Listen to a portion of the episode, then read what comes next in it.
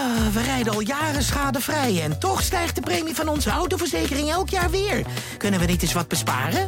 Genoeg van dat stemmetje in je hoofd? Even Independeren. Daar word je altijd wijzer van. Vergelijk nu en bespaar. Welkom bij Independer. Dit is een aanslag op onze rechtsstaat. Wiersum was de advocaat van Nabil B., kroongetuige in het liquidatieproces rondom topcrimineel Ridwan Taghi. Elke moord is heel erg, maar als deze moord te maken heeft met de verklaringen die zijn afgelegd door de kroongetuigen, is het nog erger. Het Marengo-proces gaat na een zomerstop weer van start. En voor het eerst sinds de moord op Peter R. Vries is er straks weer een zitting in de zwaar beveiligde bunker in Osdorp. Mijn naam is Corrie Gerritsma en ik ga het in deze aflevering van de Tachi-podcast met misdaadjournalisten Paul Vugts en Wouter Laumans hierover hebben, over de hervatting van het proces.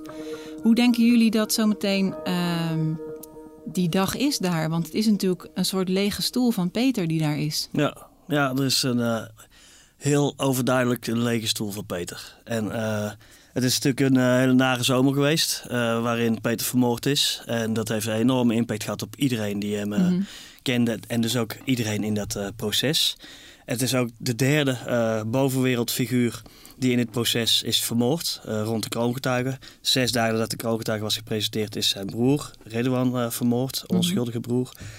Uh, uiteindelijk in september 2019 is zijn advocaat Dirk Wiersen vermoord. En nu in juli van dit jaar uh, is zijn vertrouwensman Peter R. de Vries vermoord. En dat dreunt vreselijk na in, uh, in alles rond dit proces. En dit gaat een sluier werpen over het, de, de, hele verdere gang van zaken. Verwacht je dat iemand daar ook, dat de rechtbank of de voorzitter daar ook echt wat over gaat Oh ja, zeker. Of zeker. Komt er een stilte? Of hoe, hoe gaan ze dat doen? Ik denk dat ze er iets over gaan zeggen. Mm -hmm. en nou ja, het zit zo in ieders hoofd. Uh, dat het dat kan niet ongezegd blijven. Dat zou heel raar zijn. Wat was eigenlijk zijn, uh, zijn rol in die rechtszaal? Want hij was dus vertrouwenspersoon van uh, de ja. kroongetuigen geworden, niet vanaf het begin. Um, had hij daar een actieve rol? Was hij wel eens aan het woord? Hoe gaat dat met zo'n vertrouwensman? Ja, eigenlijk, als ik heel eerlijk ben, was Peter gewoon echt een vreemde eend in de bijt. hij, hij kwam bijvoorbeeld in de perskamer, maar hij was vertrouwenspersoon van de kroongetuigen. Dus in die bunker moet je je voorstellen, heb je een advocatenkamer. Dat is de kamer waar de advocaten mm -hmm. zitten. Nou, dat zijn er in de bunker bij, rond het Marengo-proces zoveel. Dat ze daar ook uh, dat ze daar allemaal gegogel mee hebben. Dat een deel van die advocaten weer op de tribune zitten tijdens schorsingen. En je hebt een perskamer. Mm -hmm. En daar zitten de leden van de pers, uh, de journalisten. En tijdens die zittingen van dat Marengo-proces kwam Peter altijd uh, met een zakje krentenbollen in zijn hand die perskamer in en nam die daar een plek in. En als de zitting dan begon, uh, dan had hij ook een plaats toegewezen gekregen van de rechtbank Amsterdam aan de perstafel. En dat, ja. dat zorgde zeg maar wel een beetje voor, ja, ook onder journalisten wat vrevel, omdat zeg maar wij journalisten moesten uh, roleren om die persplaatsen. Dat is iets praktisch hè, vanwege corona. Moest, ja, dus een deel kan, in de bunker zijn. zitten en de rest zit via videoverbinding te kijken op Schiphol. In het grote complex dat gebouwd is voor de MH17. Maar gaat het eigenlijk om tientallen journalisten die er uh, Soms wel. zitten? Op Soms de belangrijkste dagen. Ja. ja. En, dus, en, en dan had je daar Peter die daar rondliep. Maar dat was niet in de rol van journalist. Maar in de rol als van vertrouwenspersoon van de kroongetuigen. Ja, maar daar hebben ze gewoon geen aparte tribune voor natuurlijk. Nee, maar dat geeft dus ook aan dat, je, dat zijn rol in die zin echt uniek was. Dus Mhm. hij, hij was, wat ik zei, een vreemde eend in de bijt uh, voor iedereen. Ik heb ook wel eens met mensen daar gesproken van, ja goh, waarom zit hij eigenlijk in de perskamer? Dat zeiden dan mensen uh, van de politie of zo. Dat is één keer eerder gebeurd in een groot proces. Uh, het grote uh, moordproces van Willem Holleder. Maar daar was het ook Peter R. de Vries die ja. dat deed. Die stond toen min of meer de zussen Holleder bij. Als het ja. zo, ja, die tegen hun broer Willem getuigden. En toen was hij zelf ook getuige. Ja, maar goed, hij zit in ieder geval niet, uh, wat mensen misschien denken, dat hij bij de, een rol bij de advocaten heeft en ook bij de kroongetuigen zit. Na, nou, hij, hij, was, hij was in dienst uh, bij het advocatenkantoor wat Nabil B. Uh, bijstaat. Dus hij, en hij had daar gewoon een dienstverband. Dus hij was wel, ja, hoe zeg je dat, medewerker van dat kantoor. En in die zin was hij uh, aan Nabil B. verbonden. Dat moest ook wel, want anders kon hij zijn rol niet spelen. Want hij heeft juist heel erg druk gezet en ook geprocedeerd... om uh, vertrouwelijke toegang te krijgen mm -hmm. tot uh, Nabil B. En dat kon alleen als hij zich aansluit bij dat advocatenkantoor van Peter Schouten. Kijk, Nabil B. heeft twee, twee advocaten, Onno de Jong en Peter Schouten. Ja. en had dus een driekoppig team uh, met Peter de Vries erbij. En, en Peter was als overdag bij ons op de pers uh, uh, tribune. En s'avonds was hij in RTL Boulevard aan het vertellen. En dan was het de ene keer met de pet van journalist, van volger van het proces. En de andere keer met de pet van Nebel B. Dus dat was sowieso een hele vreemde constructie die alleen Peter de Vries zichzelf uh, mocht aanmeten, ook in de media. Ja. Hey, en heeft Nebel B al een verzoek gedaan tot een nieuwe vertrouwensman? Of is die, die Ja. rol nu gewoon voor niemand meer weggelegd? Ja, dat is, dat is kansloos. Ik, ik bedoel, de, Peter de Vries was Peter de Vries. En deze rol was op zijn lijf geschreven. Maar Mhm. verder zie ik helemaal niemand dit op deze manier doen. En, en daarbij is natuurlijk, ik bedoel, degene die, als, als dat al zo ver eh, eh, zo zou zijn, dan zou je zeggen, joh, eh, dan zou diegene een, echt een brandend huis instappen. Ja. Ik las ook eh, van de week ergens voorbij komen dat eh Nebel B weer meewerkt. Want een tijdje geleden was hij daar ontevreden over, toch? En zou hij zijn medewerking misschien stoppen? Ja, ontevreden is mild uitgedrukt. Kijk, er zijn altijd conflicten rond kroongetuigen. We hebben weer erover gesproken hier. Mhm. Maar eh, hij had conflicten over de bescherming van zijn naasten, familieleden. En nou ja, en daar is hij uiteindelijk, is hij om, om, vanwege dat conflict is hij gestopt met verklaring afleggen. Later kwam daarbij dat hij eh, fysiek niet in staat zou zijn verklaringen eh, af te leggen. Nou ja, dat wordt dan natuurlijk door advocaten van, van de verdachten die beschuldigd worden door hem, wordt dat wel in twijfel getrokken. Eh, kijk, maar een kroongetuige maakt heel vaak problemen in grote processen, omdat eh, weliswaar, er zijn eigenlijk twee pijlers. Je mag eigenlijk, eh, hij moet zijn veiligheid en, en zijn deal en zo, dat, dat, zijn bescherming, dat zit allemaal in een ander deel van het Openbaar Ministerie. Dat hoort niet in de rechtszaak thuis, Ja. bij het zaaksofficierenteam, zoals dat heet, die die zaak doet. Maar een kroongetuige heeft maar één dwangmiddel en dat is in die zaak eh, eh, muiten, als ik het even in normaal Nederlands zeg. Want ja, anders moet hij gaan procederen, is allemaal ingewikkelder zo. En hier kan die kaarten op tafel eh, gooien en wel of niet meewerken en zo. Mhm. Dan, eh, zoals we, we hebben dat ook bij andere processen wel ge- gezien. Bijvoorbeeld het grote liquidatieproces Passage, daar, waar Peter Lasserpe een belangrijke kroongetuige was. Ja, dat, dat eh, mensen gedoe hebben op de manier waarop ze beveiligd worden, hun naasten beveiligd worden en dat uitvechten in de rechtszaal. Nou ja, nu heeft hij dus weer besloten dat hij wel weer gaat eh, meewerken. We zullen zien hoe lang. Eh, kijk, het, het is, het, dat kabbelt een beetje. Dat zijn van die zaken. Nou ja, Wouter en ik maken daar dan ook al de afweging. Moeten we dit wel of niet in het parool zetten überhaupt? Want wat, eh, ja, wat hebben alle lezers eraan om elke tussenstand ja, aan, uit, aan, uit, net een stoplicht. Nu gaat hij weer praten. Ja, nou ja, je zou zeggen als een leek die dit volgt dat het beter is als die praat, omdat we dan verder komen in, in het proces. Ja, eh, je moet er wel de nuance bij eh, bedenken dat ehm, zijn verklaringen zijn al lang afgelegd. Ja, hij is al heel vaak over verhoord. en zo. Dus als hij nu zou stoppen, eh, puur hypothetisch geval dat hij helemaal wegvalt, ja, dan, dan is nog steeds niet alles weg. En er is daarnaast nog een heleboel bewijs uit die PGP's. ontsloten PGP's, de telefoons. Ja. En, en ehm, het is natuurlijk heel duidelijk, er is nog, die, die, die, zo, ik kom helemaal niet uit mijn woorden, er is dus weer iemand vermoord uit de bovenwereld. Hoe zit iedereen daar dan in de rechtszaal? De rechters, de advocaten, er zijn natuurlijk zoveel mensen betrokken. Er moet toch een, toch een ontzettende grijze, grauwe sluier of misschien wel angst zelfs heersen daar. Nou, iedereen die daar zit, die, heeft, die voelt dat. Die voelt dat. En dat was eigenlijk al zo. Eh, dat was al zo na de, natuurlijk na de moord op de broer van de kroongetuige en eh dienstadvocaat Mhm. Dirk Wiers. Maar nu is het zo dat er een procespartij, of, eh, procespartij is vermoord. En dat het OM eigenlijk al min of meer heeft gezegd: joh, dat, wij gaan er ook wel vanuit dat het uit de hoek van, van, van Tachi komt. Dat hebben ze Mhm. bij Nieuwsuur gezegd. En ondertussen zit de hoofdverdachte daar in de verdachtebank. Die zaken spelen allemaal geen rol eh, in het proces. Dus Nee. ze, ze maken geen onderdeel uit van het Dus het Marengo-proces. komt eigenlijk niet ter sprake. Maar iedereen voelt het. Dat is wel heel, heel vreemd. dat is, een, dat is een soort schizofrene situatie die er in die, die, die, die, die er in die bunker hangt. En die hing er al. Maar die is nu nog eens, die is nu nog eens extra versterkt. Omdat je, er is een procespartij do- doodgeschoten. Terwijl de eh, hoofdverdachte in de zwaarst beveiligde Ja. gevangenis van Nederland zat. Je moet ook voorstellen dat wij allemaal, eh, maar ook de rechtbank, de officieren, de eh, meeste officieren eh, en de meeste advocaten hieraan begonnen zijn als beginnend aan een, in het begin een redelijk normale uh, strafzaak. In het begin was dit een hele kleine zaak. Uh, dat kun je je nu bijna niet meer voorstellen. Jij bent, jij bent bij een van de eerste zittingen geweest, toch? Ja, ik was bij de eerste uh, zittingen. En volgens mij was ik dan wel alleen, dan wel die zitting al met iemand van RTV Utrecht of zo. zo met, met twee journalisten of zo. en toen was het alleen maar Mo Razuki, Mohamed Razuki was mm -hmm. verdachte. En Nebel B, die was toen nog gewoon verdachte. Toen was er nog geen kroongetuigendeal. Um, ja, en ja, dat was een zaakje over een moord. Over de, de, de moord op uh, Hakim Shagashi in januari 2017 in, uh, in Utrecht. En uh, ja, dat was, dat was echt, echt wonderlijk. Omdat je daar dan... Gaandeweg komen er allemaal steeds dossiers bij. En ja. gaandeweg wordt het, het, dit enorme proces Het Marengo. nog niet in de bunker. Nee, en, je moet, niet met tientallen journalisten nee, en niet dat, met tientallen dat, dat zwelt ook aan. Dus alles zwelt aan. Je moet je ook voorstellen dat de rechters die aan zo'n zaak worden gekoppeld die zitten daar en die zaak die dijt uit, wordt groter. Maar die zitten daar wel vanaf dag één. Die zitten er van, dit, dit, was, ja, dit klinkt heel. Niet vanaf dag één, maar wel vanaf een, een pril stadion. Ja. Dit was een vrij recht toe, recht aan moordzaak. Ik bedoel, het is, het, je ziet het niet elke dag voorbij komen op de persrol van de rechtbank, maar je ziet het echt wel.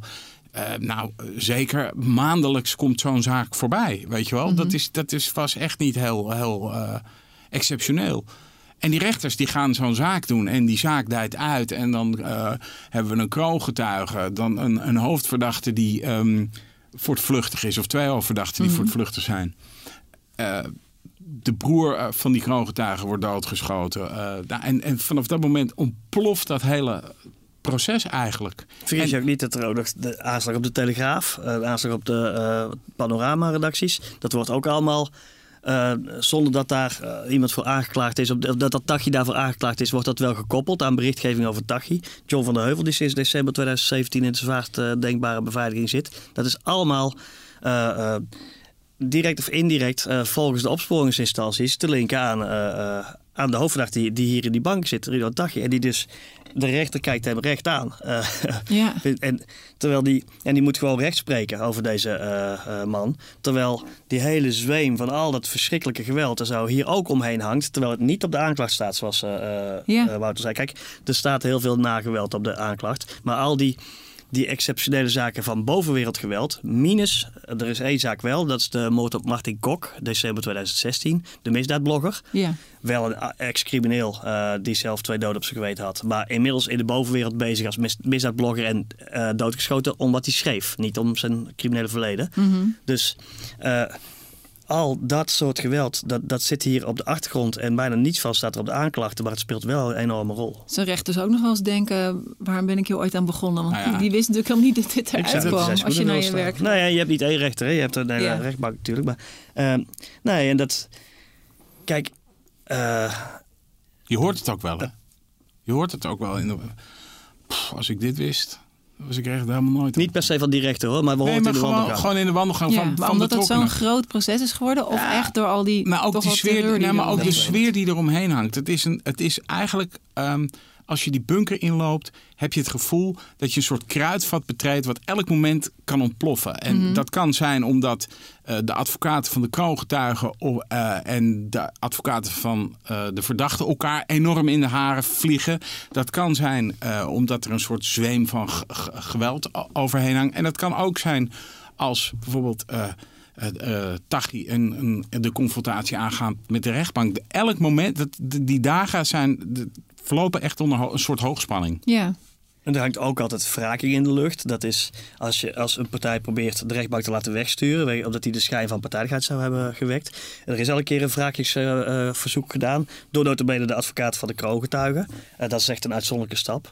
Maar het hangt ook wel op andere momenten in de lucht. Als uh, advocaten denken dat hun cliënt geen eerlijk proces, of een schijn, de schijn in elk geval zou kunnen hebben dat er geen eerlijk proces zou kunnen zijn. Er zijn clashes geweest met advocaten tegen de OM. Er is heel gedoe geweest over wel of niet hadden advocaten gelekt uit dossiers, ja. uh, vertrouwelijke dossiers. Er zijn er advocaten is, gevolgd tot in Dubai. Dat, ja. En, dat is, en er zijn advocaten gevolgd door justitie tot in Dubai. Dat geeft een enorme druk. Allemaal. Met de bedoeling om te kijken of, of ze Ridwan Taghi, die voor het vlucht was, toen nog konden, mm -hmm. te pakken konden krijgen. Maar als jij als advocaat in Dubai wordt gearresteerd. Omdat Dubai misschien eh, denkt, ja mooi dat je in Nederland advocaat bent, maar hier zien we jou als handlanger van uh, de een most wanted crimineel. Daar hadden verschrikkelijke dingen kunnen gebeuren. Dat speelt allemaal door elkaar heen. En, en of het nou aan de kant van de aanklagers is, aan de kant van de rechters, aan de kant van de advocaten of aan de kant van de journalisten. Bij iedereen heeft natuurlijk de afgelopen weken en maanden door het hoofd gespeeld. Wat is het volgende dat hier gaat gebeuren? En ergo, wie uh, is het volgende doel wat het misschien uh, het grootste risico loopt uh, vermoord te worden? Dat speelt gewoon in deze zaak. Maar dan is het toch ook wel echt een rechtvaardige vraag of, of Taghi een eerlijk proces kan krijgen? Of alle verdachten een eerlijk proces kunnen krijgen, is de vraag. Omdat dit, dit soort elementen kennen we niet uit een ander proces. En ik hoop dat de rechtbank in staat is vrij uit de recht te spreken. Mhm. Ik hoop dat uh, de aanklagers uh, zich het goed gevoel hebben om vrijuit aan te klagen. Dat, dat laatste vind ik, denk ik, daar heb ik minder twijfels bij dan voor, voor, voor de rechtspraak is dit super ingewikkeld. Want er hangt ook natuurlijk een sfeer in die zaal tussen de verschillende soorten partijen. En ja, het is, mhm. het is echt, echt een complex proces dat aan alle kanten onder hoog, hoogspanning staat. En het, en het, het het komt nu best wel aan eigenlijk op de rechterlijke macht. Uh, die moet laten zien wij staan voor die rechtsstaat. Mm Weet je? En dat moeten ze natuurlijk altijd. Maar nu is, dat, is die druk gewoon op hen is zo uh, groot. Omdat, ja, uh, wat Paul zegt, het is, het is een kruidvat wat elk moment ergens kan gaan ontploffen. En het is ook nog ingewikkeld om regie te voeren, merken we.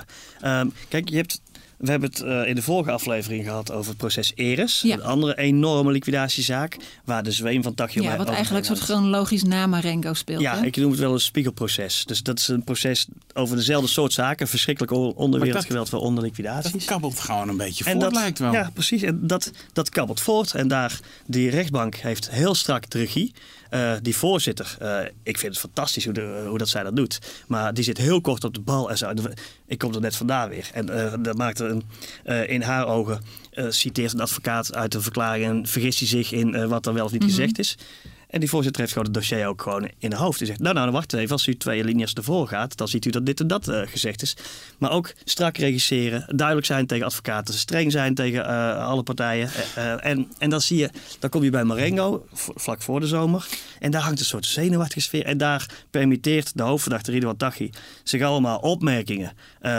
waarvan, waar die normaal zeer streng op zou worden toegesproken. Ja. maar misschien wil je nou ja, goed, hij, hij was, hij was, uh, dat was dit voorjaar. En toen was er iets geweest waarbij de rechtbank had gezegd van, uh, had gehint van, ja, ik zie dat u elkaar herkent. Dat had hij, uh, en dat ging over Ridwan Taghi en de kroongetuigen. Mm -hmm. En daar kwam Ridwan Taghi op een gegeven ogenblik op terug. En die begon van, ja, de rechtbank beschikt over paranormale gaven. En toen zei de, begon die rechtbank die begon een beetje te stamelen en te stotteren. Wat, wat, bedoelt u dan? Nou ja, vorige keer zei u dat uh, u, kunt, u kunt zien wat ik denk.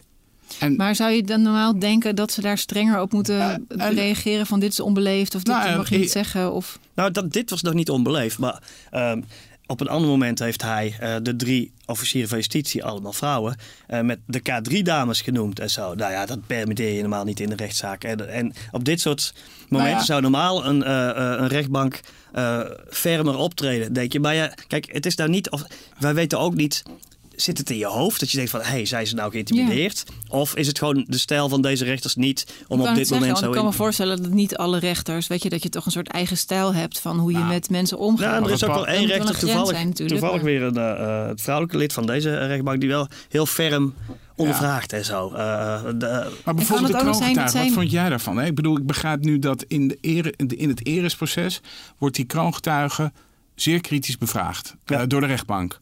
Als ik dan kijk naar het Marengo-proces, daar is de kroongetuige, ja, dat was een uur, hooguit twee. En toen was het eigenlijk, joh, we, we weten het wel. Nou ja, en veel dingen die dan uh, als advocaten verzoeken doen, iets wat met de kroongetuige te maken heeft, dat ze nog meer in telefoons, nog meer gegevens willen hebben, weet ik veel de rechtbank van Marengo die, die stelt ook heel veel uh, beslissingen steeds uit en zo. En in die Eres rechtbank zie je dat ze er heel kort op zitten. Verzoek, bam, afgewezen. Ja. Maar is het ook niet een beetje dat Marengo al zo lang speelt en Eres is net begonnen en er zit iedereen nog fris aan de start, weet je wel? Nou, vergis je niet. Kijk, uh, Eres is nu inderdaad kort begonnen, maar er zijn wel uh, nu wel wat zittingsdagen na elkaar geweest. Mm -hmm. En Marengo is uh, de, qua inhoudelijk de, de behandeling van dossiers gaat best vlot allemaal. Dus dat, dat is het punt eigenlijk niet. Die dossiers gaan wel omdat de meesten zich op de sfeerrechten beroepen. Maar het zijn al die incidenten en zo die daar steeds spelen. En dat hebben we in Eres helemaal niet. Maar bijvoorbeeld het Himalaya-proces. Daar ben ik afgelopen voorjaar zijn Paul en ik daar ook veel geweest. Even één zinnetje over wie dat ook Ja, het Himalaya-proces draait om een reeks liquidaties in het Amsterdamse criminele milieu. Zo rond 2014, 2014 eigenlijk. de organisatie van uh, Weile, Gwennet, Marta zou erachter zitten. Maar ook als je ziet hoe die zittingen geleid worden. Dat was echt strak. Gewoon, joh, uh, ik stel een vraag. Als u hem niet wil beantwoorden, goed, klaar. We gaan hier niet in discussie. En weet je wel, we, we, we, houden het bij de zaak. En we gaan niet, en dat bedoelde ik net met dat aangeven over dat gesprek met, met Ridwan Tari. Die, die vraagt begrijp ik aan de rechtbank.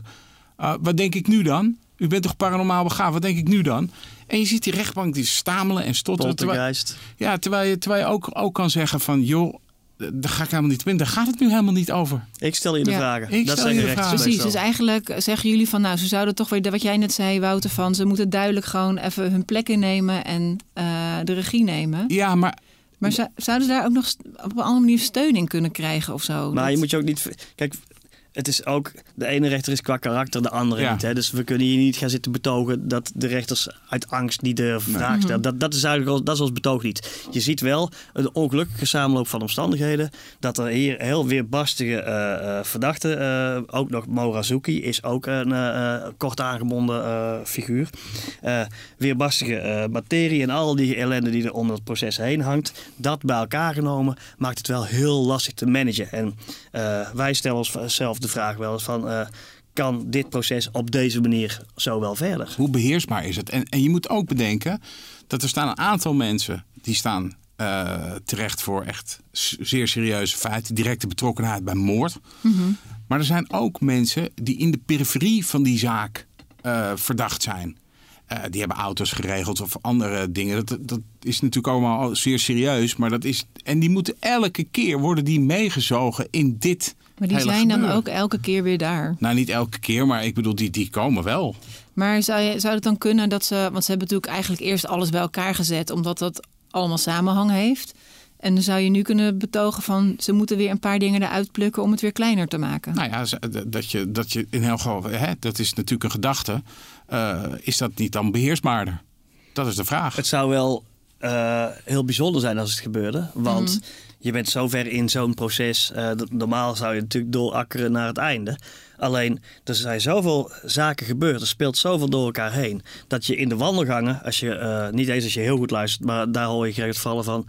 Moeten we hier niet die zaken, een deel van deze zaken uit elkaar trekken. Uh, zodat uh, die processen weer ja. een beetje een normaler uh, verloop Maar voor wie zou het voordeel hebben? Alleen voor ja. de, de nou, voor een aantal procespartijen. Maar je moet je ook bedenken, uh, Said Razouki, die zit nu nog in Colombia. Ja. Hè, die uh, is ook uh, zeer belangrijke verdachte. Um, die, wat gebeurt er dan als hij naar Nederland, aan Nederland wordt overgeleverd? Wat gebeurt er dan? Wat, wat heeft dat weer voor een invloed op wat er nu allemaal al zit en wat er nu allemaal... Je kunt je ook voorstellen dat er Marengo 2 komt dan rond hem. Nou, dan kun je ook denken, misschien moet Marengo 2 uh, dan verder met een paar verdachten die hier, waarvan een deel al uh, is behandeld. Het probleem is natuurlijk dat we wel onderweg zijn al met al die de trein, uh, dossiers. De trein rijdt. En dus ze springen maar eens af van die trein. Ja. en dat, nou, dat is wel, het is wel een vraag die in de wandelgangen uh, rondzoomt. En dat is, ook dat is bij andere processen echt niet zo. Dat, dan, dan weet iedereen, oké, we zijn met 17 verdachten al een heel het uh, op streek. En we gaan nu geen fratsen uithalen met ineens nu nog verzoeken doen voor afsplitsing en zo. Ik, nou, ik, ik vraag me af of deze rechtbank daar ook aan wil. Dat, het lijkt me, ja, het, het lijkt me, uh, bedoeld, het lijkt me, ik, ik, zou niet met ze willen Het probleem is dat we natuurlijk de hele zomer al zitten te bedenken van hoe moet dit verder. Terwijl we het pas uh, weer op zitting straks iets over gaan horen. Want de rechtbank gaat natuurlijk geen persberichtjes nog sturen van, uh, goh, we gaan het zus of zo, doen. doen. En hoe, wat komt er op de komende zitting eigenlijk aan bod? Is dat duidelijk? Maar het is een regiezitting. Dus kijk, de komende zitting is eigenlijk draait, is het belangrijkste moment is eigenlijk, joh, uh, die lege stoel van Peter R. Vries. Mm ja, we gaan nu, het zijn vier zittingen. Hè? Er zijn nu in september nog uh, vier zittingen. Uh, om eigenlijk de zaken te bespreken hoe verder. Maar gewoon processueel. gewoon een procesvragen. Wat moeten we allemaal nog doen? Welke getuigen, welke onderzoekshandelingen en wat dan ook. Ehm, En dan gaat het pas weer, dan gaat het, gaat het weer even stil liggen, dan gaat het daarna weer verder. Je kunt je ook voorstellen dat nu deze zittingen dat allemaal nog niet besloten wordt. Dat er wel, maar ik denk wel dat er op die eerste zitting uh, na de moord op uh, Peter R. de Vries niet alleen uiteraard bij stilgestaan wordt, maar dat daar ook wel allerlei uh, partijen zo hun ideeën hebben. en ik ben wel heel benieuwd naar hoe de, dat wat je om het proces heen hoort, hoe dat straks zijn weerslag gaat krijgen. Maar overleggen die partijen ook allemaal, denk je? Dat nou, wat ik, wat ik me had kunnen voorstellen en uh, wat niet is gebeurd, uh, is dat er een informele achtergesloten deuren bijeenkomst zou zijn geweest met alle partijen bij elkaar. Mm -hmm. uh, met, we hebben een verschrikkelijke zomer achter de rug en wat, dat, we allemaal even, dat iedereen even zijn hart kan luchten, zijn zeg kan doen. Dat er even rustig gesproken wordt achter gesloten deuren van... Goh, we moeten straks verder. Uh, hoe denkt iedereen over uh, de voortgang? Uh, dat is in andere processen al minder gebeurd. In de grote Amsterdamse liquidatiezaak Passage is op een gegeven moment een soort theeceremonie gehouden... omdat in de zaak de gemoederen de hele tijd bleven oplopen... tussen een paar advocaten en de rechtbank. Ehm, in, voorafgaand aan de zaak Eris, die andere grote liquidatiezaak dus, is ook een, een, informele bijeenkomst geweest. Stelde niet zoveel voor, hoor ik van partijen. Maar het is er wel geweest. En iedereen had daar uh, grote zaken Waarheen, waarvoor? Maar ik, en ik denk ook wel eens, wat, wat, waar, weet je wel, hoe zwaar is het voor advocaten om in deze zaak te zitten? En wat doet die deken eigenlijk? Is er wel eens iemand, die deken die die dan Misschien kan je nog even uitleggen wat een deken ja, precies de, doet. De, de deken ja. van de orde van advocaten is eigenlijk een soort, ja, hoe zeg je dat? De, de patras familias van, van advocaten. Als een advocaat bij, uh, over de schreef gaat. Is het een soort ombudsman nou, of meer is, een soort vader? Je hebt de orde van advocaten en uh, daar is de, in elke uh, regio een deken is daar de baas. De, de, baas van. En je kunt tuchtzaken en zo. Die kan als mm -hmm. verschillende advocaten maar, ehm, op het randje of erover hebben ja. gelopen, kan een deken onderzoek doen. En er zijn ook steeds onderzoeken, maar in de praktijk doen de dekens niet zoveel. Ja, maar ik, ik bedoel, ze ook een soort vertrouwenspersoon. Hè? Die advocaten ja. die hebben natuurlijk een geheimhoudingsplicht. Mm -hmm. En ik kan me voorstellen dat je als deken uh, in deze, dit soort zaken ook gewoon eens wat advocaten gaat bellen en zegt: hey, hoe gaat het nou eigenlijk hoe met je? Nou hoe gaat het dan met jou? Weet je wel? Dat je, je weet in, in bredere zin dat uit, in de strafrechtadvocatuur niet veel uh, advocaten heel erg enthousiast zijn over het fenomeen deken. Of, wel over het fenomeen, maar hoe de dekens in de praktijk optreden. Maar goed, dat is misschien een ander verhaal van een andere keer. Dat voert ook te ver. Ja. Oké, okay. jullie gaan allebei dus weer naar de bunker deze week. Um, wordt het nu nog zwaarder beveiligd of kon dat eigenlijk al niet meer? Want er waren al helikopters en nou, zwaarder dan het Marengo-proces beveiligen, dat, dat kan inderdaad niet. Als je daar aankomt, dan is er gewoon een staat van beleg daar in Osdorp. Mm -hmm. helikopters in de lucht waar een, waar een geweer uh, uitsteekt. Uh, convooien met auto's die aankomen racen. Uh, drones in de lucht. Dat is echt een soort, dat is gewoon een soort ground zero van, van het Marengo-proces. Zwaar bewaakte... Mm -hmm agenten uh, rond het gebouw en rond die straten. Alles wordt afgezet bij, uh, omdat, voor de konvooien die aankomen en zo. Dat... Kentekens dus de aanvoer van heel veel mensen. Ja, ja. Is, maar als je erover nadenkt, ik, dat, daar zat ik laatst nog even over. Is gewoon, als je daar aankomt, ik, dit zal jij ook hebben, dat je dat gewoon inmiddels een beetje gewend bent. En als je dan teruggaat naar, naar vier jaar geleden, dan is het, voel je zo'n soort kreeft die steeds warmer, die, die in een pan met heet water zit. En dat heb je gewoon helemaal niet gemerkt. Het is een soort gradueel mm -hmm. uh, toenemen van, ja. van, van beveiliging en dreiging. Absurd. Dat is misschien wel het woord dat hierbij past. Het is absurd zoals dit is nu is geworden. Ja. We gaan het allemaal weer lezen op parool.nl. Uh, dat jullie verslag doen van de rechtszaken. Dankjewel Paul Vugts en dankjewel Wouter Laumans. Uh, wil je op de hoogte blijven van de Tachi-podcast? Abonneer je dan, zodat je, zodat je gelijk weet dat er een nieuwe aflevering is. En heb je vragen, mail ze naar tachi.parool.nl. Mijn naam is Corrie Gerritsma. Tot de volgende keer. Uh, we rijden al jaren schadevrij en toch stijgt de premie van onze autoverzekering elk jaar weer. Kunnen we niet eens wat besparen? Genoeg van het stemmetje in je hoofd? Even Independeren. Daar word je altijd wijzer van. Vergelijk nu en bespaar. Welkom bij Independer.